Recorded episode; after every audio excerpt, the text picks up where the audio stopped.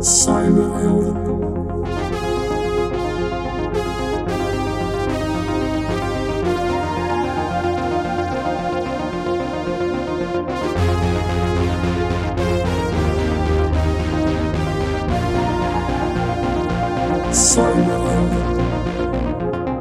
Welkom weer bij een nieuwe aflevering van de podcast Cyberhelden. De cyberheld van deze week is Inge Bryan. En Inge kan haar lachen niet inhouden. Dat komt, ik heb altijd gasten die ik al wat langer ken. En dan eh, wordt het soms wat gezellig om een eh, gesprek te voeren. Nou Inge, welkom. Dankjewel. Heb je er zin in? Ik heb er onwijs veel zin in. Oké. Hey, ehm, ik denk dat voor het grote publiek mensen jou hebben leren kennen in je tijd bij Deloitte. Toen ben je wat meer naar buiten gegaan. Mm, ik denk eerder bij de politie in de kinderporno-bestrijding. Ja? Oké, nou ja. Ehm, dat is natuurlijk wel wat langer geleden. Ehm, maar eh, voordat je bij Deloitte kwam, heb je wel ook hele andere interessante functies gehad ervoor. Eh, onder andere heb je tien jaar bij de AIVD gewerkt. En zelfs op hetzelfde moment dat ik daar ook heel eventjes rondliep. We hebben, Tien dagen overlap gehad. ja, we hebben niet heel veel eh, met elkaar daar te maken gehad. Ehm, dus ik ben nu wel benieuwd, wat deed je daar dan? Ja, eh goede vraag. Het, staat niet voor niets niet op LinkedIn. Maar het is, ehm, ja, wat deed ik daar? Moet je je voorstellen, ehm, eind jaren negentig, toen ik in dienst trad bij de toen nog Binnenlandse Veiligheidsdienst, was dat een heel andere dienst dan nu. Er werkte toen 570 mensen ongeveer. Dat was echt een klein dorpje. Als er iemand doodging, moest je vier tourbussen voorrijden voor de begrafenis. Want iedereen kende iedereen. Ja. en was getrouwd met elkaar. En dus echt een heel kleine gesloten dienst. En eh, ik werd onderdeel van die gemeenschap en dat was echt alles voor me. En, en die dienst was net eigenlijk, kwam uit een tijd waarin alles gesloten was. En dus ook, nou, nog niet heel lang daarvoor kregen mensen cash en salaris uitbetaald. Om maar niet eh, sporen te hebben van binnenlandse zaken naar Ja. de persoonlijke huishouding. En ehm, mocht geen lid worden van sportverenigingen, dat soort dingen. Er gold nog een samenscholingsverbod binnen een straal van anderhalve kilometer om het gebouw heen. Er gold een reisverbod, dus ik mocht niet reizen naar conflictgebieden, allerlei eh, landen, landen van aandacht, zoals het heette. Mhm. Dus het was echt een heel andere dienst dan nu. En, ehm, en dat Nou, je mag nog steeds niet reizen hoor. Nu ook niet. Nee, dat is niet. maar nu is er een andere reden. Ja. En, ehm, maar het was een heel eh, gesloten gemeenschap en ik vond het een feest om daar eh, deel van uit te maken. Ik woonde ook ongeveer naast de dienst. Maar wat deed je er nou, kan er met name, praten, ja, maar ik kan er weten. nou heel goed omheen kletsen. Maar eh, wat ik daar deed, is ik heb, ik heb eigenlijk bijna alle, niet alle, maar veel aandachtsgebieden van de dienst heb ik in, in mogen werken. Eh, ik begon in ehm, eh, georganiseerde, georganiseerde misdaad, wat toen nog een aandachtsveld was van de dienst. En vanuit daar naar ambtelijke corruptie, natuurlijk een logische lijn in zit. Ehm, eh, integriteit openbaar bestuur, naar meer de adviserende kant. Ehm, En, maar wat voor soort rol had je daar dan? Was jij ik begon als bewerker, zoals het heet. bewerker? Ja. Dus dat is letterlijk, en dat stond ook zo in de advertentie, geloof ik, het ordenen van informatie. Is natuurlijk de meest vage omschrijving die er was. En Nou, had je ook echt op gesolliciteerd? nou, mijn sollicitatiebrief was eh, eigenlijk in essentie ehm, nou, het, het eh, vraagteken stellen bij, bij de vacature die zo vaag was dat je er helemaal niks mee kon. Maar achteraf bleek dat dat de eerste keer was dat de BVD in het openbaar aan het werven was. Dus die tekst was extreem vaag. En in mijn sollicitatiebrief die ik bewaard heb, heb ik ook eh, aangegeven, goh, uit de advertentie blijkt dat jullie geen idee hebben wat je wil. Ik weet wel wat ik wil, namelijk een werkomgeving waar ik mijn hersenen kan gebruiken, kan samenwerken, Ja. waar je samen kan werken aan veilig, dat soort dingen. Ja. Dus als dat tot de mogelijkheden behoort, dan ben ik geïnteresseerd. En toen, ehm, eh, nou ja, van het een kwam het ander. Dus eh, dat was wel heel grappig, want die dienst was echt heel erg op zoek naar zijn positie in de samenleving. En aan de binnenkant werd er gewerkt in thema's, zoals nu nog steeds, aan de, eh, de, de veronderstelde dreigingen ten aanzien van onze samenleving. Dus dat was toen, eh, het terrorisme was toen erg in opkomst. Extreem rechts, extreem links. En, ehm, eh, nou ja, en diverse landen die, die ons bedreigen. Die Maar ook georganiseerde criminaliteit, En zegt. ja. Maar dat is nu niet meer echt een thema. Nou, dat is eigenlijk is de, de opvatting van hoe je daarmee moet omgaan vanuit de staat, denk ik, veranderd. Dus dat is nu echt helemaal van de politie. En naar mijn weten houdt de dienst zich daar niet meer mee bezig. Ook omdat het een eh, soort splijtspan is. Het is natuurlijk een, eh nou goed, niet de hele IRTFR uit te leggen, maar ehm, het is een heel moeilijk thema om mee te werken als Ja. ambtenaar. Ja. Maar ehm, Ja, ik heb toch wel wat andere dingen van je gelezen. En ik heb er wel naar boven gehaald dat jij daar vrij snel dacht van, nou, uh, dingen. Het, het, internet bestaat ook nog. Hè? Dat was in de, in de eind 90 jaren. Die, die opdracht kreeg ik. ik. Ik werd gewoon ja. overgeplaatst omdat er een. Uh, er waren wat verschuivingen. Er was één directeur, uh, Gerrit Veenstra. Die had bedacht, we, we, moeten iets met dat internet. En wie zullen we nu eens van zijn stoel trekken om dat te gaan regelen? En dat werd ik. Ah. En, um, uh, en volgens mij achteraf dacht ik, ik was de enige onder de dertig. ongeveer. Maar van, de, van het middelmanagement, ja. zeg maar. En, daar, uh, en ik vond het ook echt heel leuk. Dus, en wat, was dan, wat was dan precies de opdracht? De opdracht was, maak dit een bruikbaar middel voor de dienstpunt. En, en dat zit natuurlijk in een aantal segmenten. En natuurlijk was interceptie al heel, daar weet je zelf alles van. Interceptie zat al, was al goed op de rit. Was Nederland ook verschrikkelijk goed in. En... Um, uh, vervolgens is er het gebruik van internet als een open bron. Gewoon het gebruik maken van alle informatie die er ja. is.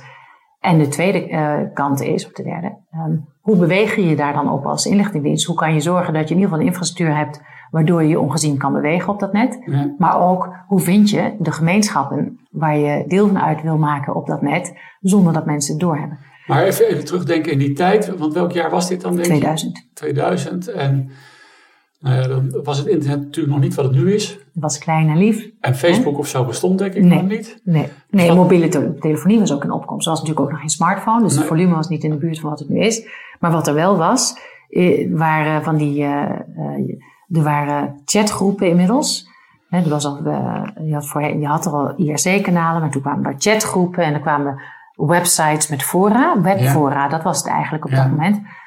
En met name aan de politieke kant, waar de dienst natuurlijk van oudsher actief in is, gebeurde daar heel veel. Dus bijvoorbeeld de Koerdische gemeenschap in Nederland. De, uh, want zo diaspora altijd interessant. Maar ook wat gebeurt er in uh, ja, weet je, dat, Ja. dat, dat, dat soort centra. Ja. Daar werd natuurlijk naar gekeken. En um, uh, het internet was destijds, ze vonden toen nog een, ja, iets dat uh, misschien interessant kan zijn. Maar, heel... maar, maar, als je dat dan wil gaan doen, hè, dus uh, je wil eigenlijk in die fora rondneuzen. Um, die mensen, zoals, zoals bijvoorbeeld van Eurodisney, die zijn ook niet gek. Die gaan aan de achterkant kijken wie zit er ertussen. Want ze wisten dat ze ook wel waren aangelopen. Zeg maar, En daar moet je een goede infrastructuur hebben, maar ook een goede werkwijze. Dus Ja. het ging om het bouwen van een infrastructuur Maar waren, en om een waren er mensen daar dan al aanwezig die jou konden helpen om zo'n infrastructuur te En bouwen? nee, die uh, moesten we gaan vinden. En, dat- die hebben we ook gevonden. En uh, sloot dat een beetje aan dan bij de rest van de medewerkers? Nee, natuurlijk niet. Nee. Dus uh, je stuurt denk ik nu aan op hoe is dat dan cultureel. Nou, dat was heel interessant. Dus daar uh, zijn een paar mensen binnengehaald. Sowieso, ik kan me herinneren, de eerste die ik toen heb aangenomen, die had al een hartstikke goede baan. En, en zei ik, ja, die ga ik voor schaaltjes even niet krijgen. Dus daar moeten we anders naar kijken. Dus ik had intern al een discussie te voeren. Maar toen kwam vervolgens het punt, ja, ja, maar ja, hij is wel, uh, het is een hacker, help. Ja. en uh, weliswaar niet met een strafblad, maar toch. Um, en ik heb echt moeten praten als brugman met de directie beveiliging om überhaupt voor elkaar te krijgen dat ze bereid waren om een veiligheidsonderzoek los te laten op iemand die zich met name het digitale domein Ja. had begeven. Vond ze heel eng. Vond ze heel erg eng. Maar het is wel goed gekomen. Het is wel goed gekomen. En het is ook gelukt. En het, uiteindelijk zijn ze natuurlijk ook anders naar veiligheidsonderzoek gaan kijken. Want Ja. dat was natuurlijk ook wel even relevant. Je kan wel kijken bij wat voor een vereniging iemand lid is. En wat voor een uh, abonnementen die allemaal heeft. En wat voor blaadjes die leest. Maar ja. ja. Maar goed, dat is ook de tijd dat de hackers een beetje tegen anarchistische groepen misschien aanhingen. Wat ook nog wel eens een, een target onderdeel zou kunnen zijn. Dus dat je een beetje kritisch kijkt. Maar ja, met boeven vang je boeven toch? En ik was er juist op gebrand en nu nog steeds om de vanzelfsprekende connotatie van hacker en boef eruit te halen. Ja. En dat is, dat is nu nog steeds, weet je, ik krijg nog steeds wel eens de vraag, hoe hou je... Uh, wat mooi dat we gaan straks over de hackwet hebben ook nog. Ja, top. Ja. Maar, maar hoe, nee, maar wat, wat ik echt een issue vond en nog steeds vind, is dat ik de vraag regelmatig krijg, als je nou leiding geeft aan een club van hackers, hoe zorg je dan dat ze aan de goede kant van de wet blijven? Nee, ja, dat, dat is een vraag die niet per se bij hackers hoort. Nee. Je kan ook uh, dus, dus fysiek blijkbaar geweld... Een soort, blijkbaar een soort beeld van hackers. Dat zijn mensen die ja. storen zich aan geen enkele regel. En die doen alles wat fout is. Ja, en die zijn dus kennelijk meer geneigd om de wet te overtreden dan ja. een ander. En met name die laatste, dat zou ik, er graag, dat zou ik graag willen uitroeien. En hoe, heb je, en hoe heb je dat ervaren? Door met die hackers te werken? Dat het een vraag is die wat mij betreft niet bij die hackersgroep hoort. Het is... Uh, um, de, het, je intrinsieke motivatie maakt of je uh, je niet zozeer je wel of niet aan de wet gaat houden, maar of je iets doet met, de, met, de, met het doel om de wereld veiliger te maken of om een ander schade te berokkenen. Dat is een totaal andere motivatie. En uh, dat is voor hackers niet anders dan voor uh, iemand die goed is, die fysiek heel goed is en zomaar zou kunnen inbreken, zeg maar als je vreselijk lenig en sterk bent, wil niet zeggen dat je een inbreker bent. Uh, voor, speciaal bedoeld voor de derde verdieping, zeg maar. Ja, ja, precies. Snap je? Dus ik begrijp dat nu. En bij ook mensen die bewapend rondlopen, lopen ook niet al schietend rond, zeg maar.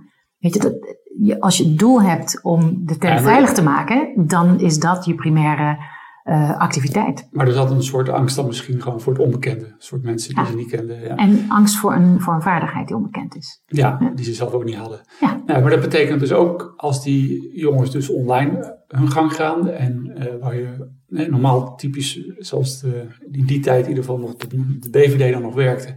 Gingen er uh, runners de deur uit, of acquisiteurs heet het tegenwoordig denk ik. En die moesten dan praten en dan moest je met informatie proberen terug te komen. En nu kan je dat dan online doen. En uh, ja, dat kan je de hele dag doordoen. Je kan wel tien verschillende personen zijn als één persoon online. Dat gaf op een hele andere manier, bracht het ook informatie bij de dienst naar binnen. Absoluut. En dat, was ook, dat zijn echt de leukste momenten terugkijkend.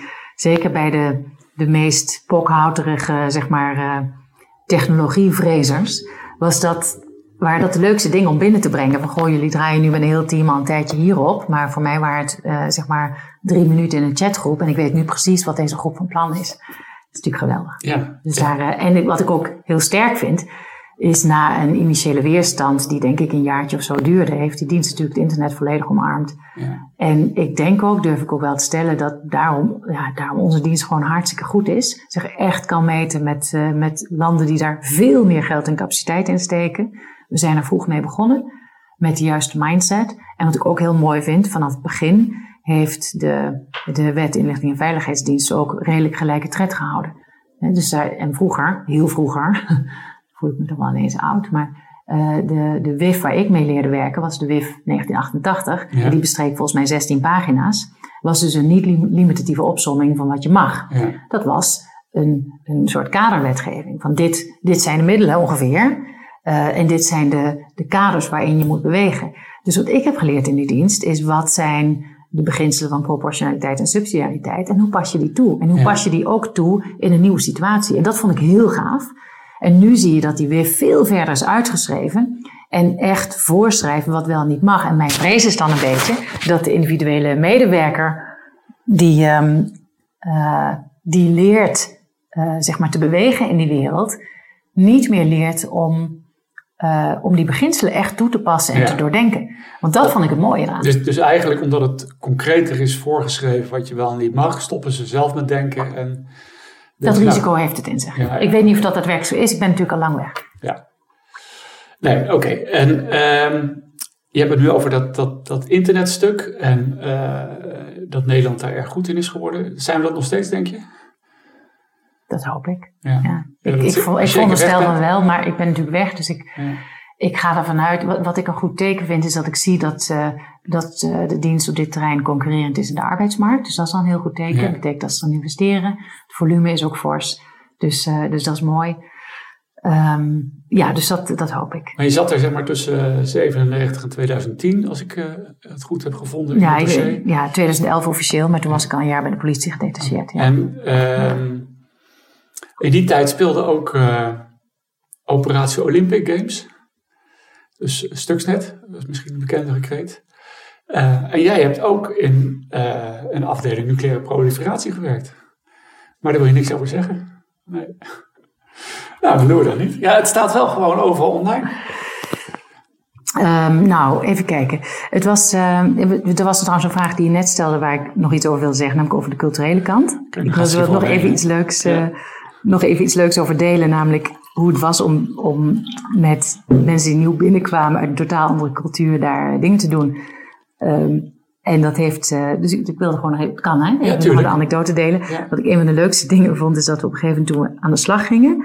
Um, met, uh, met het ontdekken van wat kan je nou doen als dienst in de diverse terreinen die er zijn. Op een gegeven moment uh, om zeven uur s avonds kwamen er rare geluiden uit onze werkruimte. Toen kwam de beveiliging op de lijn en zei, ja doen, nou, we zijn aan het kweken.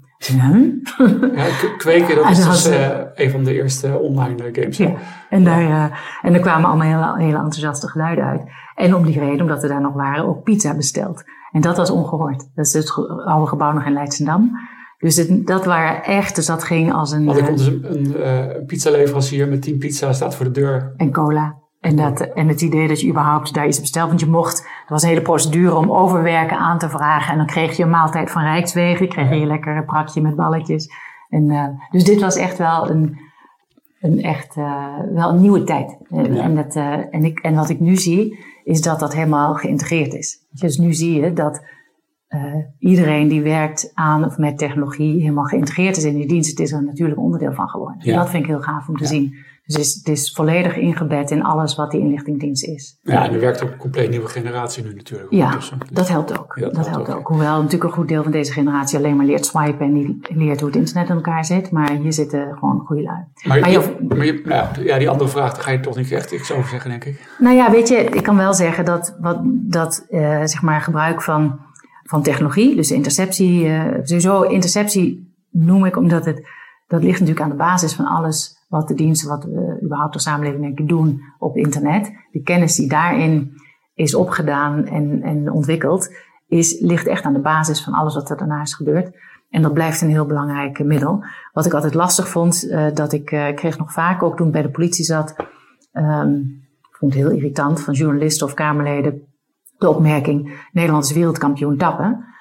En ik zei wereldkampioen tappen. Ja, in kwaliteit vind ik dat, uh, mm. een compliment neem ik graag in ontvangst. Maar het is niet zo dat dat het meeste gebeurde. Wij zijn alleen de enige die een, een sluitende administratie daarover hebben en er niet over liegen. En daarmee zijn we onderscheidend in de wereld.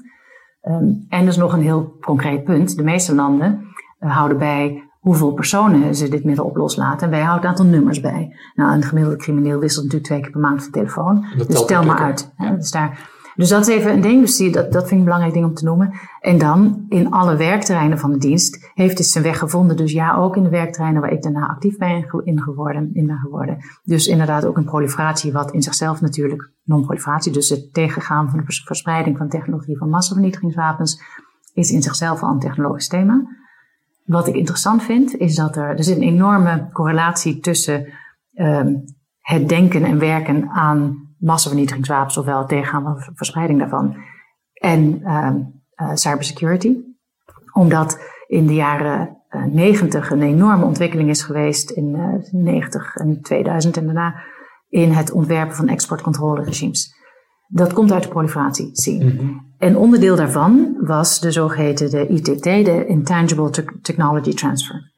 En die wetgeving en de, de, de convenanten en, en, en uh, verdragen die daar toen zijn gemaakt, worden nu toegepast op cybersecurity. Dat is een super interessante tijd. Dus daarom vind ik het ook wel heel leuk dat, dat ik in die tijd die proliferatieactiviteiten heb geleid. Omdat in de dynamiek in die business, de, dat was toen, toen binnen de dienst al een buitenbeentje. Omdat uh, proliferatie gaat over goederen en niet minder over mensen. Ja. He, er kwamen letterlijk mensen die zeiden, oh, we moeten uh, in de gaten gaan houden uh, welke verdachten zich op welke manier bewegen. En, en toen kwam natuurlijk ook wat heel erg in opkomst was 2002. Dat was, um, uh, hoe heet het? Uh, bioterrorisme, mm -hmm. biochemisch terrorisme. En um, dat, is, dat is een hele andere tak van sport. Dus kwamen bij mij aan en zeggen van, goh, kunnen we nou iets doen aan terrorisme met gebruik maken van biologische en ja. chemische middelen? Ja. Dus ik, nee, want terrorisme focust op personen. Dan moet je individuen ja. um, isoleren en elimineren. En dan gaat het niet zozeer om de technologie zelf. En dan gaat het niet om technologie. Bij proliferatie gaat het echt om het weten welke goederen heb je nodig in welke fase van welk proces. Dus letterlijk, je kijkt naar een raketprogramma in een niet nader te noemen ander land. Je weet welke technologische drempels er zitten in het ontwikkelen van een raket met, uh, met vaste brandstof. En dan ga je kijken wanneer bereiken ze die drempels en welke technologie hebben ze dan nodig om dat op te lossen. Want ja. dat komen ze bij ons halen. En daar gaat proliferatie over. En uh, dan ga je dus kijken naar hoe kan je voorkomen dat je verkeerde goederen levert aan verkeerde regimes. En in cybersecurity staan we nu eigenlijk voor heel vergelijkbare dingen. Ja, ja. Namelijk, welke kennis deel je met wie? Het gaat vaak over cryptografie. En welke uh, kennis wil je, uh, wil je behouden? Wil je verspreiden? Sowieso in het gebruik zelf verspreid je natuurlijk al heel veel kennis. Maar diezelfde regimes, dus de exportcontroleregimes, worden nu toegepast op cyber. Of daar wordt over nagedacht. Over nagedacht, ja. En het nadenken over bijvoorbeeld cyberwarfare zit ze ook weer te kijken naar hoe, zien, hoe ziet bijvoorbeeld het non-proliferatieverdrag eruit. Nou, ik heb daar een gesprek voor, over gevoerd dan met Sico van der Meer van Klingendaal. Oh, dat, is een andere dat zie ik met uh, belangstelling tegemoet. Nou, en dat gaat inderdaad over het thema. En ik haalde wel naar voren van dat uh, ja, met, met raketten en nucleair uh, afspraken met, maken met elkaar. Dat lukt dan omdat je ook van elkaar redelijk dat in de gaten kan houden wat je aan het doen bent. Omdat je via satellieten bijvoorbeeld kan zien als iemand een oefeningetje doet. Uh, en in cyber gaat het allemaal op zolderkamers. Maar goed, dat is... Uh, met chemisch en biologisch is het ook. Het is, het is niet te, te doen bijna om dat om bij te houden. Ja.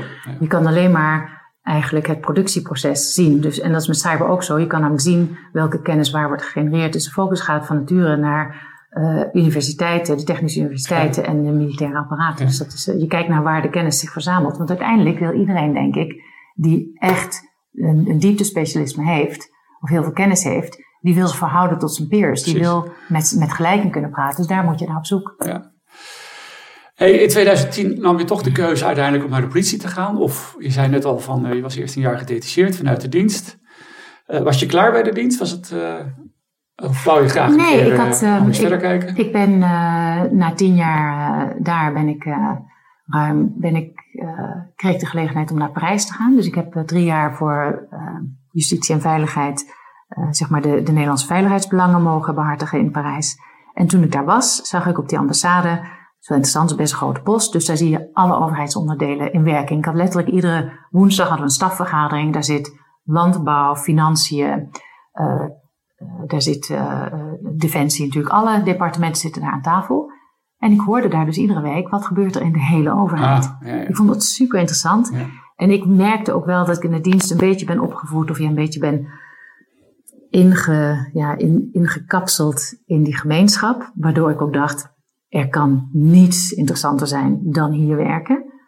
En toen ik dat, toen ik in Parijs was, zag ik, oh wauw eh, de Rijksoverheid is toch veel groter en mhm. breder en heeft toch veel meer te bieden dan ik dacht. En toen zag ik eigenlijk ook een beetje de relativiteit van een inlichtingendienst. En tegelijkertijd werd er heel hard aan getrokken vanuit de politie. En ik vond de politie ook gewoon machtig mooi, omdat de politie een ander soort veiligheid brengt. En dat is toch voor mij, denk ik, wat het diepst zit.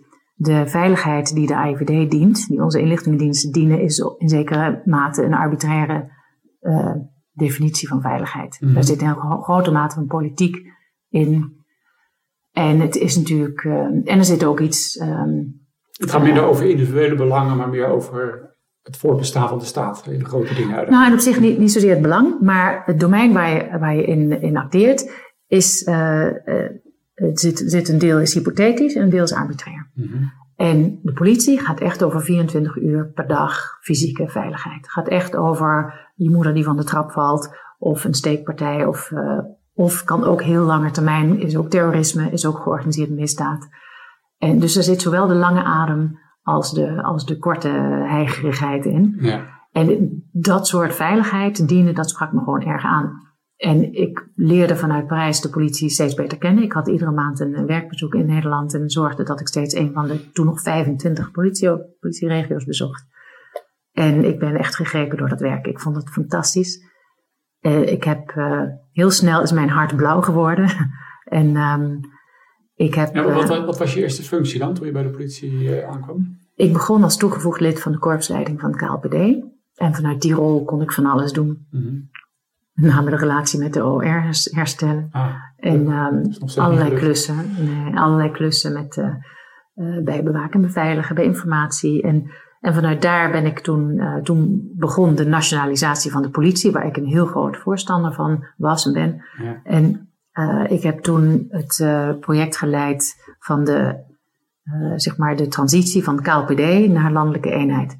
Eigenlijk ging het om, het is niet zozeer één op één van die eenheid, maar het definiëren van wat zijn uh, de taken die je centraal moet beleggen. En dat is helemaal, dat is echt een kolfje naar mijn hand. Mm-hmm. Ik ben ontzettende centralist, was toen vloeken in de kerk. Ik mocht dat woord ook niet gebruiken. En uh, denken vanuit het staatsbelang, dat is me wel, uh, dat is ook mijn ding. Ja. En um, daar, dus ik vond het heel gaaf om dat te definiëren. Dus letterlijk het definiëren, wat is de zwaardmacht? Ja. Wat is datgene wat je echt centraal moet organiseren? Dus een paar begrippen daar geïntroduceerd. was natuurlijk ook niet zo heel erg moeilijk. Namelijk, wat is te duur om decentraal te organiseren? Maar hoe, was dat, maar hoe was dat nou voor jou dan? Want je praat nu in bepaalde termen die ze bij de politie natuurlijk totaal niet herkennen. Nee. Je bent hoog opgeleid iemand, uh, een hele goede uh, ervaring bij, uh, bij de IVD opgedaan. En dan een hele knappe blonde meid die binnenkomt. Nou, het was um, wat ik, wat een hele, heel grappig moment was.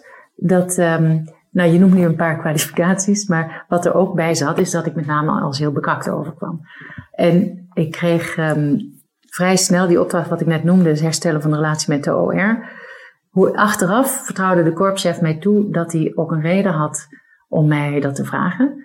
Namelijk, ik moest een, een driedaagse met de OR voorzitten. En hij zei van, nou, je bent zo, um, je, bent zo elitair dat ik me afvroeg um, of je wel die... Uh, de relatie aankon met de brigadier van de waterpolitie. Zeg maar. ah. En daar, uh, en ik dacht, nou, je hebt me gewoon op de proef gesteld eigenlijk, zonder dat van tevoren tegen me te zeggen. Ik denk, nou ja, Allah.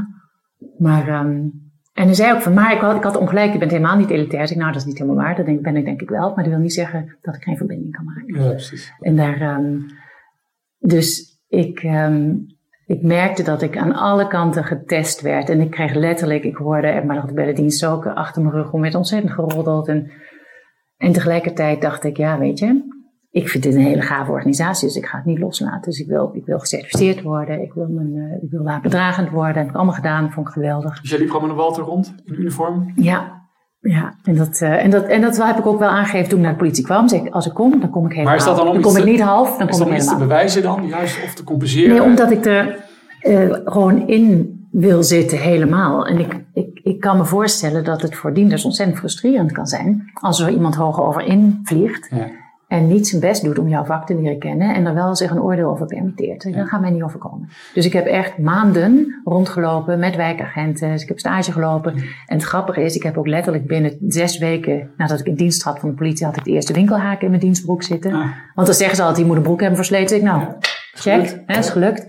En, uh, en een inbreker uit een auto getrokken. En weet je, en ik, ik vind het, maar goed, dus ik denk in elkaar. Ik wil wel ook de kern uh, begrijpen en bevatten. En ik wil weten wat mensen beweegt of wat ze beweegt. Ik vind het gewoon een mooi vak, dus ik vind het fijn om er dan dichtbij te zijn. En anders dan ga ik me er ook geen oordeel over aanmeten. Ik wil toch nog even naar de technologie ook, die daar ook bij de politie voorbij ah. kwam. Je hebt bij de ja. natuurlijk wat teweeg gebracht. Uh, hoe was dat uh, geregeld bij de politie? Waren die ook al met, uh, ook, ook die praten met, met bronnen? Deden die dat ook al digitaal? Um, nou, toen ik kwam bestond de High-Tech Crime Unit al. En um, we waren net in de uitbreiding naar de, de High-Tech Crime Unit is in drie tranches opgebouwd en we begonnen net aan tranche 2. En um, nou, wat er, wat er wel al was, was de, er waren ontzettend getalenteerde en gefocuste collega's bezig met dit onderwerp. Er waren maar weinig leidinggevenden die er echt mee bezig waren. En, um, en, echt, en daarmee bezig zijn betekent dat je als sponsor ergens voor optreedt, dat je een project trekt, dat je zelf de whatever, stuurgroepvoorzitter bent, maar de verantwoordelijkheid neemt voor een onderwerp en ook zorgt dat er budget voor komt. En capaciteit. Dus um, die rol kreeg ik eigenlijk al meteen. Dus ik merkte dat op het moment dat ik mijn uh, functie verliet als kwartiermaker, ben ik naar de Nationale Recherche gegaan letterlijk alles met een stekker kwam op mijn bureau. Wat ik ontzettend leuk vond. Want ik vond het belangrijk. Ik vind het nog steeds heel belangrijk. Ja. En wat ik wel merkte, wat ik lastig vond. Er is natuurlijk in zo'n enorme organisatie als de politie. En zegt wel, ik geloof, uh, 65.000 FTE. Uh, dat zijn 70.000 mensen. Plus alle externe mensen die er rondlopen, zitten er in zo'n netwerk toch al gewoon meer dan 100.000 mensen. Het is enorm. Ja. En ik heb me ook absoluut schuldig gemaakt aan het laten bouwen van nieuwe IT, omdat ik ergens een oplossing voor nodig had. En heb ik best wel veel gedaan. Uh, want het recherchevak is gewoon buitengewoon creatief vak. En daar heb je gewoon soms specifieke oplossingen voor nodig. En wat ik lastig vond aan die grote organisatie, dat het niet, nog niet de, de mogelijkheid bood om al die nieuwe dingen vorm te geven. En dan gaat het over beeldherkenning, cameraherkenning, eh, stemherkenning, alle soorten um, dingen die je kan gebruiken die je proces kunnen verbeteren. Maar ook uh, ja, hele, zeg maar, een soort data-wasstraat. Van hoe krijg je nu uit een enorme bak met data, hoe kan je dat nou goed ordenen, sorteren? Uiteraard in overeenstemming met het wetboek van strafvorming. Ja, ja. En uh, dat vond ik een prachtige uitdaging. En daar zijn, uh, dus ik heb een, best een hoop, uh, ik heb best wel vaak sorry moeten zeggen. Maar dat was ook wel een beetje maar is dat, is dat een aanpak die ze gewend waren binnen de politie? Van eerst doen en dan later excuus Ja, jawel, dat past wel bij de politie. Ja? Ja, ja. Dus daar in die zin merkte ik ook dat ik, ik weet je, van alle plekken denk nou ja, ik... Kijk, in die tijd is denk ik ook, zijn de eerste hacks geweest door de politie, zonder dat er toen de hackbevoegdheid was. Dat is twee keer voorgekomen. Dat is twee keer voorgekomen. Tot, toen moest het opstelten beloven in de Kamer, geloof ik, dat het niet meer mocht. Nee, dat, het was iets uh, genuanceerder. Op het moment dat, die, uh, dat we gingen werken aan de, of dat werd al gewerkt aan, de, aan CC3, de, de toen nog nieuwe wet computercriminaliteit. CC3 omdat het de derde iteratie van die wet was mhm. natuurlijk. De eerste was in 94 zoiets. 93. Idioot dat dat zo lang duurt, hè. Maar goed, daar... Uh, uh, toen heb ik op een gegeven moment, uh, was zo mooi, toen mocht ik een kamervraag beantwoorden. En ik had echt anderhalve bladzijde opgeschreven over waarom, onder welke omstandigheden twee keer die bevoegdheid gebruikt was. Want vergis je niet, bij het nog niet, in, in het nog niet bestaan van die nieuwe iteratie op, de nieuwe, op die wet computercriminaliteit, was het dus mogelijk met toestemming van de rechtercommissaris. Want zo zit het in ons rechtsbestel. Als de rechtercommissaris zegt, dit middel mag je toepassen op deze wijze, dan mag het, punt. En het goede van die wet is dat het wat nauwer omschrijft wat er wel niet mag, zodat de burger ook wat beter weet wat wel niet mag. Dus van wat is verboden en wat niet. Heling online was niet verboden. dus als, als je ergens een computer aantrof met duizend creditcardgegevens, kon je er helemaal niks mee. Nu wel.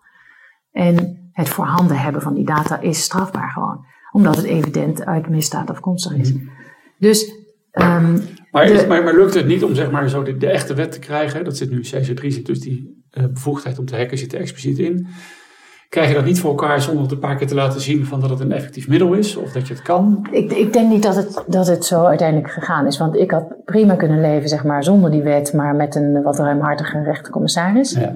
Um, uiteindelijk eh, staat daar, zijn er natuurlijk allerlei uh, waarborgen ook in die wet ingevoerd die, eh, die denk ik prima werken. Dat is één ding wat heel lastig is. Dat is natuurlijk de, de, de kwaliteitstoetsing van de apparatuur die wordt ingezet. Dat is echt iets dat voortkomt uit, uit andere middelen. Ik heb me daar toen al tegen verzet, maar dat is er toch ingekomen. Dat maakt het heel erg lastig. En het hek in het buitenland lijkt me. En nou ja, als niet bekend is waar de server staat, ja. dan mag het. Ja, dan ga je dus van nature niet op zoek naar de locatie van server. Nee, nee, dus er, zijn, best wel goede lijsten van. Ja, en soms is het gewoon heel erg duidelijk. En daar, eh, dus dat, dat zijn wel lastige dingen. En, uh, maar goed, sowieso, en dat, dat, dat zit natuurlijk ook in de, in de WIF, in de Wet Inlichting en Veiligheidsdiensten. Je kan als land wel zeggen dat je, je kan jezelf een bepaalde bevoegdheden aanmeten. Dat wil niet zeggen dat andere landen daar ook zo over denken. Ja. Maar goed, dus dit, in deze, dit hele wetgevingstraject, wat, uh, dat is denk ik op zich goed gegaan. Maar wat lastig is, is uiteindelijk gaat het om, als je, als je veiligheid wil handhaven in het land, dan gaat dat altijd om proportioneel en subsidiair je middelen in te zetten. En dat is altijd een combinatie van mhm. middelen. En dat geldt ook voor dit middel. En ik vind nog steeds dat hacken door de politie, zoals het in de wet is vormgegeven en zoals het ook daadwerkelijk wordt uitgevoerd, want ik mocht natuurlijk ook de organisatie bouwen die dat ging uitvoeren, dat is het meest precieze middel waarover de politie beschikt. En als je dat vergelijkt met een zoeking thuis bij iemand, uh, hè, dan uh, zie je het al voor je. Om half zes ochtends uh, wordt de deur uit de sponning geblazen. Die ligt dan op de keukentafel tussen de trillende bewoners. Of ja, die liggen dan nog in het bed. Maar de hond is er niet blij mee. Nee, nee. En daar de, de zoekploeg, en ik heb daar veel aan deelgenomen, ziet alles.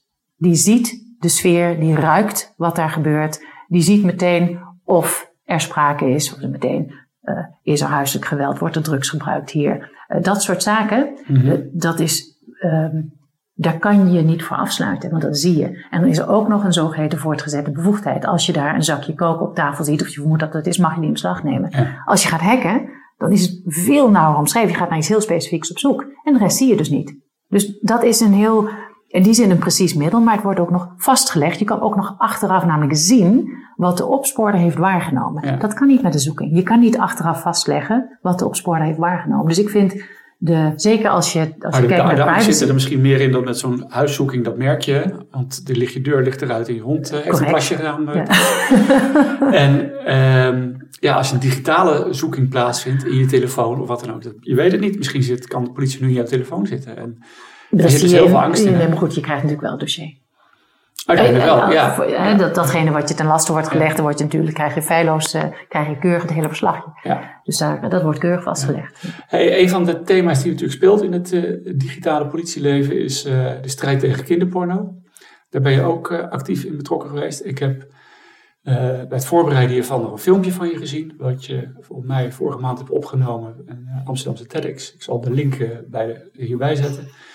Heel indrukwekkend hoe jij erover vertelt, eh, wat je daar bent tegengekomen en eh, hoe, wat dat ook dus doet met een politieman of vrouw die daar eh, onderzoek naar doet.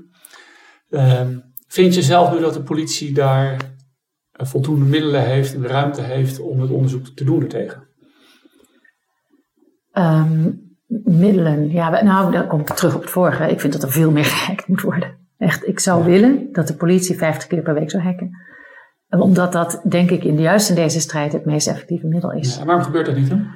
Eh, omdat, eh, en daar is denk ik de gehele overheid eh, heel erg goed in om zichzelf in een hoekje te schilderen, omdat we het onszelf ongelooflijk moeilijk maken en onszelf behoorlijk wat beperkingen opleggen. En ehm, dat zit gewoon in het proces, maar ook in de beschikbaarheid van capaciteit. En ik denk ik ook de terughoudendheid om het middel te gebruiken. Ik heb een, destijds wel eens de vraag gekregen in zo'n kamerzitting. Het, eh, of, of denkt u dat dit dan eh, het nieuwe tappen wordt? Eh, of dit moet niet zo zijn dat het nieuwe tappen wordt. Zeg reken maar dat dit nieuwe tappen wordt. En veel gerichter en Ja. veel, veel preciezer. En juist voor kinderporno, de, de grootste kinderpornoboeren, dat zijn de, ja, in termen van cybersecurity de, de meest geavanceerde opponenten. Ja. Of, dat zit je bijna op het niveau statelijke actor. Mhm. Dat zijn mensen die zeg maar, voor hun lijstbehoud zich bedienen van de meest vergaande eh, eh, anonimiseringstechnieken en, eh, en eh, afscherming. Daar kom je gewoon niet in. Daar moet je echt grof geschut aan eh, trekken om in Maar te ik, komen. ik hoor daar weinig van dat ze er nu mee bezig zijn. Ik Ja, en dat is een ander ding. Ik, eh, ik heb er destijds voor gepleit om meer in de, in de media te komen. Je hebt op een gegeven moment, eh, ik dacht even dat je daar refereerde, een interview in 2015 met RTL Late Night over een heel groot kinderporno-onderzoek. Daar heb ik nogal wat weerstand moeten overwinnen om überhaupt dat naar buiten te mogen brengen. Omdat aanvankelijk de OM dat niet wilde. Eh, want, zeggen ze, als je veel onveiligheid laat zien, dan voelen mensen zich minder veilig. En mijn betoog als het gaat om kinderporno is, dit moet de hele wereld weten. 3,5% van de mannelijke bevolking in Nederland downloadt kinderporno. 3,5% is echt heel erg veel. heel Hè? veel, ja. En dat zit in alle lagen van de bevolking. Maar die moeten ze toch juist onveilig voelen? Het is er niet, Dat hoop ik ook. en dus dat dat moet je dus eh, door naar ja, buiten brengen, dat zij ook denken van, oh, het is toch niet zo'n moet misschien maar niet free haven. En Ja, dus wel- aan beide kanten. Ik denk dat het, dat het goed is voor mensen om zich er bewust van te zijn. Kinderen worden hiervoor misbruikt en gebruikt. Het sluiten van scholen vind ik verschrikkelijk. Dus nu in coronatijd scholen sluiten. Eh, daarmee brengen we een enorm offer. Het gaat direct ten koste van de veiligheid van duizenden kinderen in dit land. Ik vind dat verschrikkelijk. Ja. Ik vind het echt verschrikkelijk. Ik heb liever, vreselijk plat, maar ik zeg het toch, liever dat er tien mensen doodgaan aan corona, dan dat er één kind wordt doodgeslagen door zijn ouders of verkracht wordt. En dat gebeurt. Dat gebeurt gewoon. Ja. En dat we die afweging maken, dat is niet mijn afweging. Daar, ehm, dus meer weten over wat hier gebeurt, meer weten over hoeveel het misbruik van kinderen voorkomt en wat, welk deel daarvan zijn weg vindt naar het internet. Kinderen die ook specifiek met, dat, met het doel van verspreiding op internet misbruikt worden. Daar, daar moeten we meer, eh, daar, daar moet meer aandacht voor komen. Want anders dan is het te makkelijk om het weg te drukken. En ik zou het ook goed vinden als die, eh, als die downloaders zich realiseren dat al die data op een gegeven moment, weet je, jammer dat er nu eh, zo weinig gehackt wordt, maar op een gegeven moment, er gaat een moment komen dat die bak met data open gaat en dat we ze allemaal gaan pakken. Maar je zit er zo, eh, je zit er best wel fel in. Het is een emotioneel onderwerp, snap ik ook. Is het iets, eh, ik zit opeens te denken aan Anonymous, maar ook Bellingcat. Ja, die zouden er wel iets in kunnen doen. Ja, Want ik vond het briljant dat Anonymous op een gegeven moment, een, eh, die hebben toch eh, na Bataclan hebben ze een hoop eh, accounts van jihadisten hebben ze gedefaced. En dat vond ik zo gaaf. ja. Weet je, dan denk ik, wauw, weet je. Maar Anonymous heeft ook wel eens gedacht, we gaan een pedonetwerk blootleggen. Ja, maar dat bleken er toch weer credit, ze deden ze aan de hand van creditcardgegevens en die waren dan soms ook gestolen. Dus dan stonden hele lijsten met deze Ja. mensen hebben kinderporno gekocht. Ja. Dus Dat je moet het ook wel zorgvuldig doen. Maar zie je een rol uiteindelijk voor ja, publiekere organisaties? Ik weet niet of Anonymous onder valt, maar Bellingcat wel. Ehm, dat zij ook een soort rol online krijgen om Nou ja, een soort... Uh, ja, onderzoeksjournalistiek is dat natuurlijk online. Dus zij zou zeker wel... Ja, ik denk in de eerste instantie... alleen maar misschien laten zien dat het bestaat. Maar ook om echt een beetje repressief te zijn. En dingen bloot te leggen of stuk te maken. Of, uh... Ja, zeker kan dat. Ik denk dat het al helpt als de hostingsector uh, iets actiever erin wordt. De nette hosters zijn er natuurlijk al. Maar het zou zeker helpen als bijvoorbeeld Bellingcat nou, laat ze maar wat meer uh, laten zien over de bulletproof hostingpartijen die hier actief in zijn, want dat, die kan je zo noemen. Want er zijn dus gewoon partijen die uh, er een businessmodel van gemaakt hebben om ervan te leven. Ja. en die partijen maken ook geen onderscheid tussen kinderporno of drugshandel, dat maakt ze allemaal niet uit. Dus, die hosten gewoon waar ze geld aan verdienen en de hoogste marge, daar, daar gaat de business naartoe. Dus, en dat gebeurt ook in Nederland, hè? Dat gebeurt ook in Nederland. Nou ja, weet je, in Nederland is natuurlijk met z'n, we hebben een fantastische infrastructuur en um, een hele hoge connectivity. En kennelijk hebben we ook allemaal genoeg tijd om online te zijn. Dus er gebeurt heel veel en er wordt heel veel verhandeld. Dus het is gewoon een goed land voor uh, ondernemers, ook criminele ondernemers. Dus dat gebeurt. Is dit het moment dat ik iets over het anti-abuse netwerk mag vertellen? Nou, dat mag ook nu, maar dat mag ook straks. Ja. Doe nu maar dat. Oké, dus we hebben met, um, in februari een uh, coalitie opgezet met eigenlijk alle partijen die betrokken zijn bij uh, hosting, uh, internet service providers, maar ook bijvoorbeeld RIPE NCC, SCDN, maar ook OM, politie, Nationaal Cybersecurity Centrum.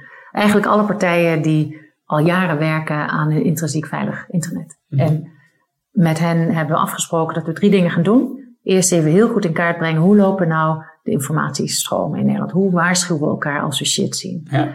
En dat zit deels. En shit is breder nu, hè? Dat gaat dus niet over uh, abuse, dat gaat niet per se over kindermisbruik dan. Nee, het is abuse van internet. En niet zozeer van kinderen, maar ook. Hè? Dus het gaat dus over abusive content. Het gaat echt dus over content, dan heb je het over kinderporno, terrorisme, wapenhandel, dat soort dingen, drugshandel.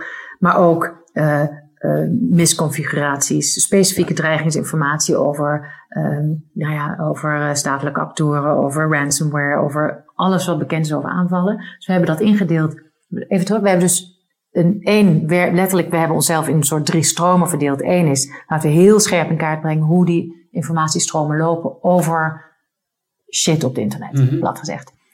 En twee is, laten we dan kijken, wat moet er in de governance veranderen? Waar, waar zien we een kans om dingen te verbeteren in ons eigen systeem, als in het systeem van samenwerken? Um, en drie is, hoe communiceren we daarover? Dat zijn een beetje de drie stromen. Maar maakt het wat concreter van en, in nummer twee? Eerst nummer één, nummer één even, want er zit een, een verbinding tussen. Ja, nummer één is. vragen stellen, maar jou werkt dat niet. Hè? Ga maar door. Nummer één is dat, je, dat we hebben afgepeld wat voor, wat voor type informatie hebben we dan over, wat ik net aangaf. Daar hebben we echt een hele metrokaart van gemaakt. Die is verschrikkelijk complex. Dus dat is vaststelling nummer één, die is veel te complex. Ja. En daarin uh, zo natuurlijk Nationaal Cybersecurity Centrum is een spin in het web, maar die kan niet helemaal zijn taak vervullen, want die heeft zichzelf een hoekje geschilderd met allerlei, uh, allerlei lastige procedures. Dus er zit een hele metrokaart in hoe stroomt dreigingsinformatie door het land. En de conclusie is, het komt niet aan bij die mensen die er iets mee kunnen. Door iets dicht te zetten of uh, iets offline te halen. En, um, dus dat is één. Daar hebben we een hele studie van gemaakt. En letterlijk is daar ook iemand op afgestudeerd. Een masterstudent heeft daar, is daarop afgestudeerd. En uh, en op basis daarvan, we zijn vanuit daar knelpunten gaan zoeken. Van waar, waar loopt het nou fout? En daar is die governance werkgroep mee aan de slag gegaan. Die hadden natuurlijk al wat ideeën. We hadden allemaal onze ideeën wel van, goh, hoe zit het nou en wat kunnen we verbeteren? Maar we zijn eigenlijk vanuit die eerste werkgroep, op die input zijn we gaan werken aan wat zijn nu concreet, waar loopt het vast? En hoe kunnen we dat oplossen? En we zitten nu in de fase, hoe kunnen we het oplossen? Want de, de knelpuntenanalyse, die hebben we gisteren gepubliceerd. Dus die mag ik ook heel graag als linkje hierbij voegen. Ja, zet er ook op. En, um, uh, dus dat is nu de tweede fase waar wij zitten. En dat derde, communiceren, dat doen we uh, doorlopend. Eerst in juli door ons manifest te publiceren van hiertoe zijn wij bij elkaar is, gekomen. Is dit dan een, uh, een samenwerking waarbij ook overheidspartijen aan tafel ja. zitten? Ja. Zoals ik, ik zei net, OM, politie, NCSC, maar ook NCTV. Dus zowel de uitvoerende als de beleidsmatige kant. Uh, daar zit ook bij economische zaken, uh, zowel uh, ja, maar ik, digital... ik, bedoel eigenlijk meer, want dat hoorde ik natuurlijk ook wel. Maar zitten ze daar nou echt om actief een bijdrage te ja, leveren? Zeker. Of van, nou ja, dan zitten we er ze maar zitten bij er omdat Nee, ze zitten erbij omdat ze heel graag mee willen doen. Omdat zij ook heel graag willen dat ons internet veilig is. Ja. En ze willen heel graag meewerken aan een oplossing. En de reden dat we dit met elkaar doen... Uh, is dat wij met oplossingen willen komen die ook werkbaar zijn. Ja. En daarom is het heel belangrijk dat ze erbij zitten en dat ze een bijdrage leveren. Want als wij met voorstellen komen waarvan de overheid op voorbaat zegt, bij voorbaat zegt, dat gaat niet werken, dan, en dan zouden we ook nog steeds doorgaan, maar dat zou lastiger zijn. Dus wij zoeken juist dat contact steeds op. Ehm, en de hosting moeten we niet, niet overslaan. De hosting providers, dus de uh, brancheverenigingen van de hosting providers en de, de data hosting providers zitten daarbij, zitten aan tafel, mede-initiatiefnemers. Maar ook uh, DVD zit erbij, de Dutch Institute for Vulnerability Disclosure, waar jij zelf van bent. Die, um, uh, dus, want dat is natuurlijk ook een van de knelpunten. Gesignaleerde problemen, waar kan je die, waar kan je die kwijt? Op een manier dat er ook daadwerkelijk naar wordt gehandeld en wel bij voorkeur binnen dat uur wordt gehandeld. We zien dit, er moet nu een oplossing komen. Nou, dat systeem werkt gewoon nog niet in Nederland, veel te traag. En er wordt gewoon heel veel informatie weggeflikkerd of het uh, komt op een doodspoor. En nu, um, nu hebben we echt wel, denk ik, nu hebben we scherp hoe het zit. Wanneer gaan we zien dat het uh, werkt? Nou, um, we hebben gisteren die knelpuntenanalyse ge gepubliceerd, dus daarover gaan we in gesprek. En, uh, en ik zie ook wel dat uh, NCSC, dus National Cybersecurity Centrum, die vanaf het begin hierbij betrokken zijn, ook echt heel hard aan het zoeken zijn naar oplossingen. En ik merk dat daar nu een kentering is gekomen. En ik weet niet of dat door het netwerk komt. Het komt misschien ook door het aantreden van een nieuw plaatsvervangend NCTV, Hester Somsen, uh, die met heel veel uh, goede energie daar aantreedt. En ik merk dat daar ook een, een verandering komt van het mag niet omdat, naar laten we gaan kijken hoe het Hoe kunnen we het voor elkaar krijgen. Ja. Okay. Dus daar, en als dat lukt, dan ben ik al heel tevreden. Dus daar, en dat gaat, dat gaat ook lukken. Maar je blijft wel betrokken, toch? Uiteraard. Ja, oké. Okay. Um, ja, ik wil eigenlijk ook een beetje je cv aan het doorlopen. En we, we zaten oh, is dit bij, wel aan het einde dan? Nee hoor, we zaten, we, we zaten bij de uh, politie. En op een gegeven moment heb je een overstap gemaakt naar uh, Deloitte. En je denkt, ik ga eens even aan de andere kant kijken hoe het is. Ik was um, ook een beetje gefrustreerd bij de politie, want ik hou nog steeds heel erg veel van de politie. En um, ik zag dat, uh, dat we niet meer effectief waren in die strijd tegen cybercrime. Terwijl we fantastische dingen deden en high-tech crime natuurlijk de sterren van de hemel speelt op wereldtoneel. En um, desondanks uh, vond ik het te weinig. En, uh, en ja, heb ik zelf de conclusie getrokken dat veiligheid intrinsiek moet worden ingebouwd in het systeem, dus in onze economie. En het opsporen moet een ultimum remedium zijn. Ja. En dat, uh, dat is het niet. Dat was het toen al niet en dat is het nu nog steeds niet. Het gaat het wel worden, hoop ik. Dus ik ben bewust wel, uh, ik heb die stap gezet om, uh, om veiligheid te gaan bouwen. En ik zeg erbij, ik was ook in de organisatie, ik was natuurlijk al een beetje buitenbeentje en ik um, voelde me wel heel, heel erg thuis in de politie, nog steeds. Um, maar ik was ook wel op zoek naar vernieuwing. En wat ik wel heel gaaf vind aan Deloitte, is, nou, ik kwam daar in een team met een gemiddelde leeftijd van 27 jaar. En um, ik werd iedere dag uitgedaagd. Ik lag de eerste maanden iedere dag om 9 uur in mijn bed. Gewoon helemaal van alle indrukken en uh, alles wat ik had geleerd. Ik heb mijn, um, hoe heet het, mijn CISP gehaald, mijn Certified Information System Security Professional. Ja, en uh, daar, uh, dat vond ik ook heel leuk. En ik dacht ook, ja, dat kan eigenlijk niet dat ik dat haal na een cursus van een week. Maar stiekem, en dat geldt denk ik voor, voor iedereen als je in een grote organisatie werkt of een grote organisatie leidt, dan krijg je heel veel mee van IT op verschillende manieren. Ja. En uiteindelijk, dus het deel, uh, de, het deel netwerken en het deel crypto en het deel identity and access management, en heb ik stiekem na twintig jaar wel heel veel ervaring in. Dus ik heb gewoon op ervaring gehaald. Ik heb, ook, ik heb dus een week lang wel in de les, in de, in de schoolbanken gezeten ja. en dat vond ik onwijs leuk. Maar um, ik keek met verbazing, hoe kan ik dat nou halen? Maar goed, je hebt je echt wel ook wel, je, bent, je hebt jezelf ook in de diepte gestort om te snappen van waar gaat het nou eigenlijk echt om met cybersecurity. Ja. je wilt altijd wel ja. iets begrijpen als je er ook van bent. Ja. En je kan natuurlijk ook een beetje opstellen, nou ja, je, je was partner bij, bij Deloitte, dus dan kun je ook redelijk op afstand dingen doen, maar je wilt echt wel begrijpen, dat heb ik al gemerkt. Um, en je hebt daardoor ook wel meningen kunnen vormen over uh, wat we in Nederland allemaal anders zouden moeten gaan doen. En uh, met, met de carrière achter je bij verschillende instanties. Uh, ik hoorde Erik Akenboom een paar weken geleden in een interview zeggen dat waar hij wakker van ligt, is dat Nederland kan worden aangevallen door andere landen. Dat het uh, vooral economische impact heeft op ons. Als hij dat nou zegt, dat zegt hij ook niet voor niks. Dan vraagt hij ook echt aandacht om, voor. Uh, dat betekent dat dat er echt een issue is. En uh, dat, dat wordt al een paar jaar door mensen gezegd, onder andere door jouzelf. Ik heb wel eens iets gelezen over een, een, een deltaplan, maar dan voor de cyberwereld, met een cybercommissaris en zo.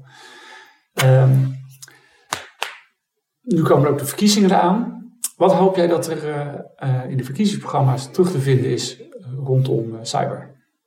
Nou, wat ik hoop is, nou ja, ik heb ze natuurlijk al gelezen en daar staat bitter weinig in. Ja. en wat ik lastig vind aan de verkiezingsprogramma's. Kijk, veel uh, politici spreken met experts, zoals jouzelf, zoals mijzelf, zoals meerdere. En ik kan ook gewoon teruglezen ongeveer in de programma's met wie ze gesproken hebben. Maar wat er niet in zit, is een, is een visie. Ja. Een duidelijk beeld van, uh, van de staat van de dreiging. En van de, de pijlers waarop deze samenleving moet gaan leunen in de komende jaren. En hoe dat met elkaar te verenigen is. Dus hoe je letterlijk die dreiging kan pareren, zodat we de, die, die pijlers van de samenleving uh, droog kunnen houden. En dat, um, dat mis ik. En ik heb ook niet de illusie dat dat op korte termijn inkomt. Er gaan ook, uh, denk ik, geen Kamerleden komen die ineens nu het licht gaan brengen. Dus de, het spannende wordt, wie worden straks de bewindslieden? En zijn dat mensen die durven te leunen op andermans expertise? Zijn dat mensen die de moeite nemen om, zoals ik, af en toe de kelder in te gaan bij interceptie om te kijken hoe het in elkaar zit? Ja. Ik hoop het. Um, en die de wijsheid hebben om ook uh, om, om beslissingen te nemen, ook in vakgebieden waar ze geen verstand van hebben. En de meeste mensen doen dat niet, die schuiven het lekker voor zich uit of uh, uh, zorgen dat het iemand anders een verantwoordelijkheid wordt. maar dat er geen crisis komt of zo. Dus ja, dan, precies. En, en wat natuurlijk moet gebeuren is dat er, er moet een keuze worden gemaakt in wat is nou technologie waar Nederland een rol in kan spelen. dus wat moeten we gaan koesteren? Ik denk, nou, weet ik, moet je nou misschien wel een belastingvoordeel geven over bedrijven die zich daarin gaan specialiseren. En dan is een paar voor de hand liggende, is cloud, crypto en um, nou, 5G uiteraard. Dat is een, wel heel, sowieso een prachtig dossier op zich. Um, maar een incentive dus voor bedrijven die zich in de cybersecurity zitten? Nou, het is niet alleen security, het is technologie in brede zin, denk ik. Okay. Dus, volgens mij moet de insteek technologie zijn. Uh, om te kijken van wat zijn de technologieën die voor ons van levensbelang worden waar moeten we nu echt in gaan, gaan investeren? En dat zijn uiteraard dingen, daar zit een security component aan. Cloud is niet per se een security ding, maar heeft een hele grote security component. Maar is Nederland niet veel te klein om uiteindelijk om uh, eh, 5G... Nee, maar definieer het dan. Definieer dan wat is voor Nederland belangrijk en zoek dan je belangrijkste partners. En dat zal zomaar op EU-niveau kunnen zijn. Ik denk dat we veel van dit, zeker 5G, moet je op EU-niveau tackelen. Maar overigens is daar ook iets wat je zeker op Nederlands niveau wel kan doen. Want we hebben hier drie netwerkproviders die met elkaar gaan concurreren om drie uh, netwerken te bouwen. Mm -hmm. die, nou ja goed, je weet, de marge in de telecombusiness is buitengewoon laag. Ja. Ze moeten nu heel veel geld gaan steken in de, de bandbreedteveiling. Dat is geld dat ze niet gaan steken in onze veiligheid. Ja. Dat is natuurlijk zonde. Waarom zet zij niet, waarom doen we niet zoals met de energiesector? Maak daar één heel groot netwerk van. State of the art, beste van de wereld. En zorg dat ze roamen, dat ze samen dat netwerk delen. Weet je, dat, dat kan. Dat, zijn niet, dat is niet onmogelijk. En nu zijn er twee, twee providers met een buitenlandse moeder. Dus de vraag is of we dat voor elkaar gaan krijgen. Je zegt eigenlijk dat het een beetje raar is dat die ether dat dat verkocht moet worden aan ja. partijen. Om wat? Ja. dat is net iets als lucht verkopen. Wat met, met welk doel dan? En ik zou heel graag zien natuurlijk dat als ze dat al doen, wat ik niet verstandig zou vinden, gebruik dat geld dan om er een hele hoge kwaliteit in te brengen. Maar dat gaat niet gebeuren, want ze gaan elkaar concurreren op die kleine marges. Dat is zonde. Dat is gewoon kortzichtig. Dus daarin zou ik willen dat de regering een standpunt neemt. Dit zijn de technologieën waar we in moeten investeren. Laten we meteen partners gaan zoeken. Partners denken aan niet alleen aan bedrijven, maar aan andere landen ook. Mhm. Waar we dit samen mee gaan doen. En vervolgens, in die, uh, zeg maar, uiteindelijk gaat de regering natuurlijk over de overheidsuitgaven, niet over de private zaak. Maar zij kunnen wel degelijk een grote rol spelen in wat de private kant doet. En daar zou ik willen zien dat de coherentie komt in de aanpak van, in het bouwen van onze cybersecurity.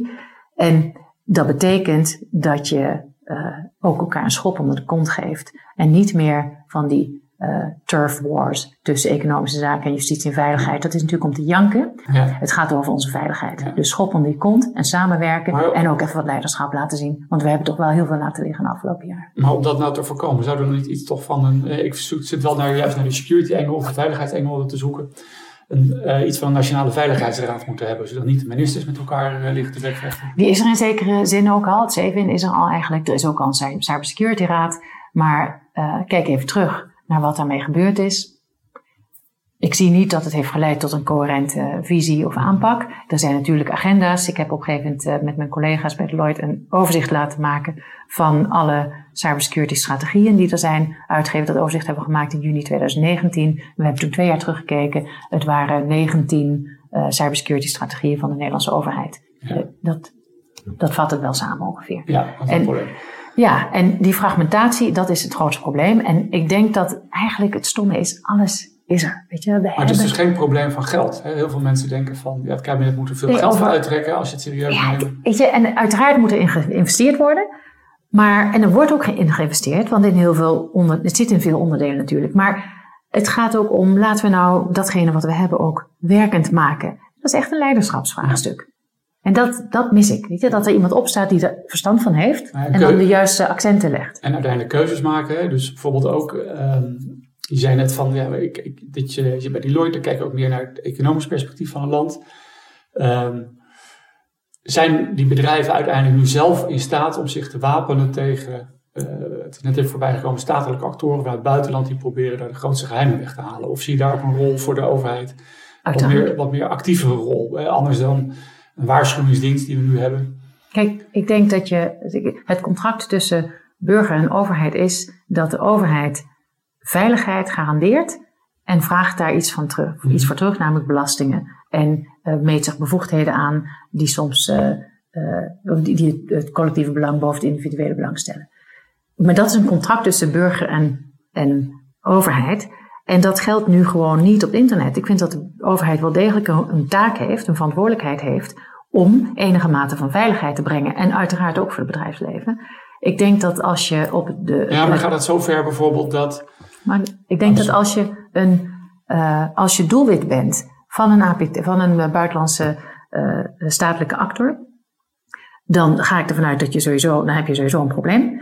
Uh, dan ik vind dat je dan niet alleen inderdaad gesignaleerd moet worden, maar dan, natuurlijk moet er iets, er moet sowieso iets in onze, in zo'n basisinfrastructuur die ons daartegen wapent. En dat kan. Dat laten we nu liggen. Maar natuurlijk kunnen wij ons eigen internet beter beveiligen. En het signaleringsvermogen aanzienlijk hoger, uh, hoger maken, groter maken. Door die informatiedeling beter op gang te krijgen. We kunnen letterlijk, je kan heel veel organiseren om het al veilig te maken. En op het moment dat je doelwit bent van een statelijke actor, dan denk ik dat we er goed aan doen om te snappen dat uh, voor de meeste landen om ons heen, helaas voor Nederland wel, er helemaal geen onderscheid is tussen veiligheid en economie. Dat is één.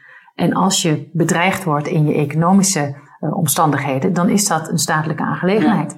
Dus natuurlijk heb je daar een verantwoordelijkheid in. En natuurlijk moet er iets van een brandweer komen. Dus ik zou het logisch vinden als ook de inlichtingendienst een capaciteit ter beschikking stelt. Niet alleen om te signaleren, maar ook om in te grijpen. Ja. Tot, en laat, tot op zekere hoogte. Hè? Want je mag niet ongevraagd ingrijpen. Dat kan niet zomaar. Maar ik heb wel ongevraagd misschien uh, melden op het moment dat iets voorbij is gekomen waarvan je denkt, nou dat zou het bedrijf wel graag willen weten. Nou, ik vind melden dus niet ver genoeg gaan. Nee, melden en ingrijpen. Maar, maar uiteraard. Melden, zelfs melden gebeurt niet altijd. Nee, maar, ja. maar uiteraard in overleg met degene wie, die de eigenaar is. Want dat vergeten veel mensen natuurlijk, dat het, um, punt op zich nou, dat de verbindingen uh, die we gebruiken privaat terrein zijn. Dus ja. dan kan de overheid zich niet vrij op bewegen.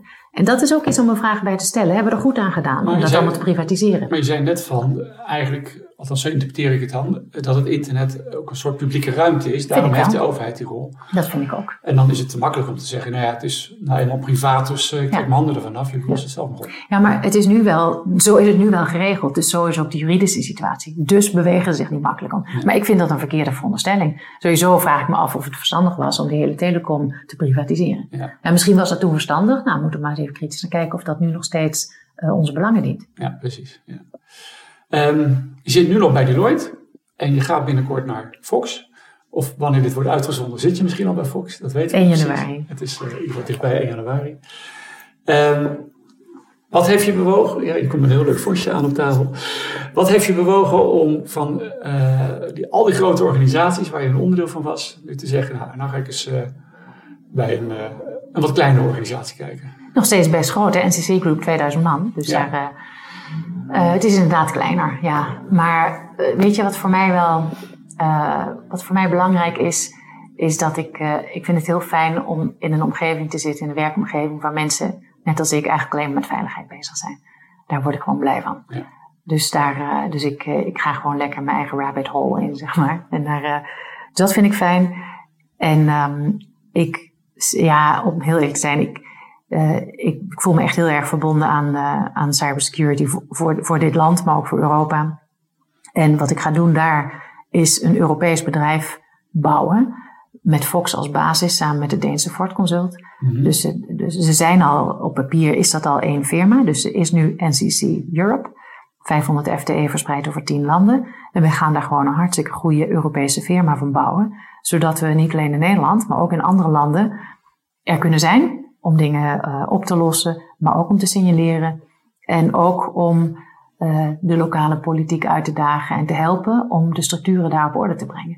Ook aan de, aan de publieke kant. En uh, dus daar, uh, dat trekt mij enorm om dat op Europese schaal te doen.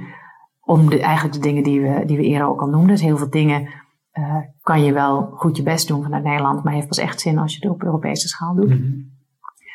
En maar ik vind het ook fijn om integraal te leiden. Dat is ook een ding. Dat heb ik, uh, dus in die zin is het een functie die weer meer lijkt op wat ik bij de politie deed. Dus ik vind het fijn om mama te zijn van die hele club. Ja, ja, okay. en, en in alle geleding, want veiligheid is voor mij natuurlijk, het is niet alleen cybersecurity, ik ben gewoon een veiligheidsmevrouw. Dat geldt dus ook voor veiligheid op de werkvloer. Kunnen zijn wie je bent en met heel je hart kunnen werken aan het veilig maken van een omgeving van een klant. Maar ik ben ervan overtuigd dat je niet goed veiligheid kan brengen als je het binnen niet hebt. Dus dat is wel iets, dat is voor mij één. Ja. En daar, uh, daar verheug ik me ook op om dat, uh, dat uh, te, verder te, te, helpen. Ja, ik zit hard na te denken, zit hier nou nog iets achter wat ik nog niet helemaal doorzie? rondom die veiligheid op de werkvloer. Nee, maar het is meer, het is, voor mij is, is cybersecurity is breder dan alleen uh, dat is niet alleen een technisch ding. Dat is veel breder. Dat gaat ook over mensen en over processen. En ik zou het mooi vinden om een bedrijf te bouwen waarin we ook het goede voorbeeld geven. Over zo zorg je dat verschillende disciplines bij elkaar komen. Want dat is natuurlijk ook wat ik net schetste over hoe het in Nederland georganiseerd is. En die, de fragmentatie hangt natuurlijk ook samen met het feit dat mensen, dat mensen elkaar niet kennen en elkaars vak niet snappen. En integreren daarvan is gewoon een heel belangrijk deel. Sowieso is denk ik de basis van veiligheid is verbinden. Ja. Heb je uh, je schetst net een, een, uh, een, een, Fox Europe of een NCC Europe. Uh, maar dat staat dan los, denk ik, van de Engelse tak? Of los Het wordt een aparte Europese divisie. En dat is ja. natuurlijk niet voor niks. Ook met de oog op de Brexit het is gewoon verstandig om een aparte tak te hebben. Ja. Maar wel zeer verbonden met NCC Group. En ik hoop ook dat alle, zeg maar in het rariteitenkabinet van het hele bedrijf, met alle enorme expertise die ze hebben, hoop ik dat we ook een hele mooie kruisverstuiving kunnen hebben. En heb je dan nu ook de, de ambitie om ook uh, sites te hebben in de rest van Europa? Want je hebt dan Denemarken en Spanje. Ja, ja. Uh, dus dat wordt nog veel grotere expansie. Allemaal vanuit Delft. Ja, allemaal vanuit Delft. Dus het is wel, Delft is wel de hoofdzetel. En uh, blijft het ook. En, en wat ik, um, nou ja, expansie, weet je, het hoeft allemaal niet zo vreselijk groot. We hoeven geen blinkende kantoren overal te hebben. Maar ik hoop wel dat we over een paar jaar, en nu is dat al deels het geval, maar ik hoop wel dat we dan een, echt een Europese klantenkring hebben. En er zijn natuurlijk ook heel veel bedrijven die in verschillende Europese actief, uh, landen actief zijn. Dus dat, dat hoop ik wel, ja. Nou, het is voor mij een, een, prachtige klus om te doen. En voor mij hebben ze een hele goede uh, nieuwe baas of moeder, heb je net zelf gevonden daarvoor. Dus ik wens je daar uh, en de Foxers die er zitten ook heel veel succes met jou. Maar jij ook heel veel succes met hun. En nee, ik denk dat het een hele goede match is. En uh, we gaan elkaar zeker nog spreken. Onze tijd is in ieder geval helaas weer voorbij. Dus dankjewel Inge voor dit eh, ook alweer openhartige gesprek. En eh, volgende week heb ik weer een nieuwe cyberheld te gast. Dankjewel. Cyberheld.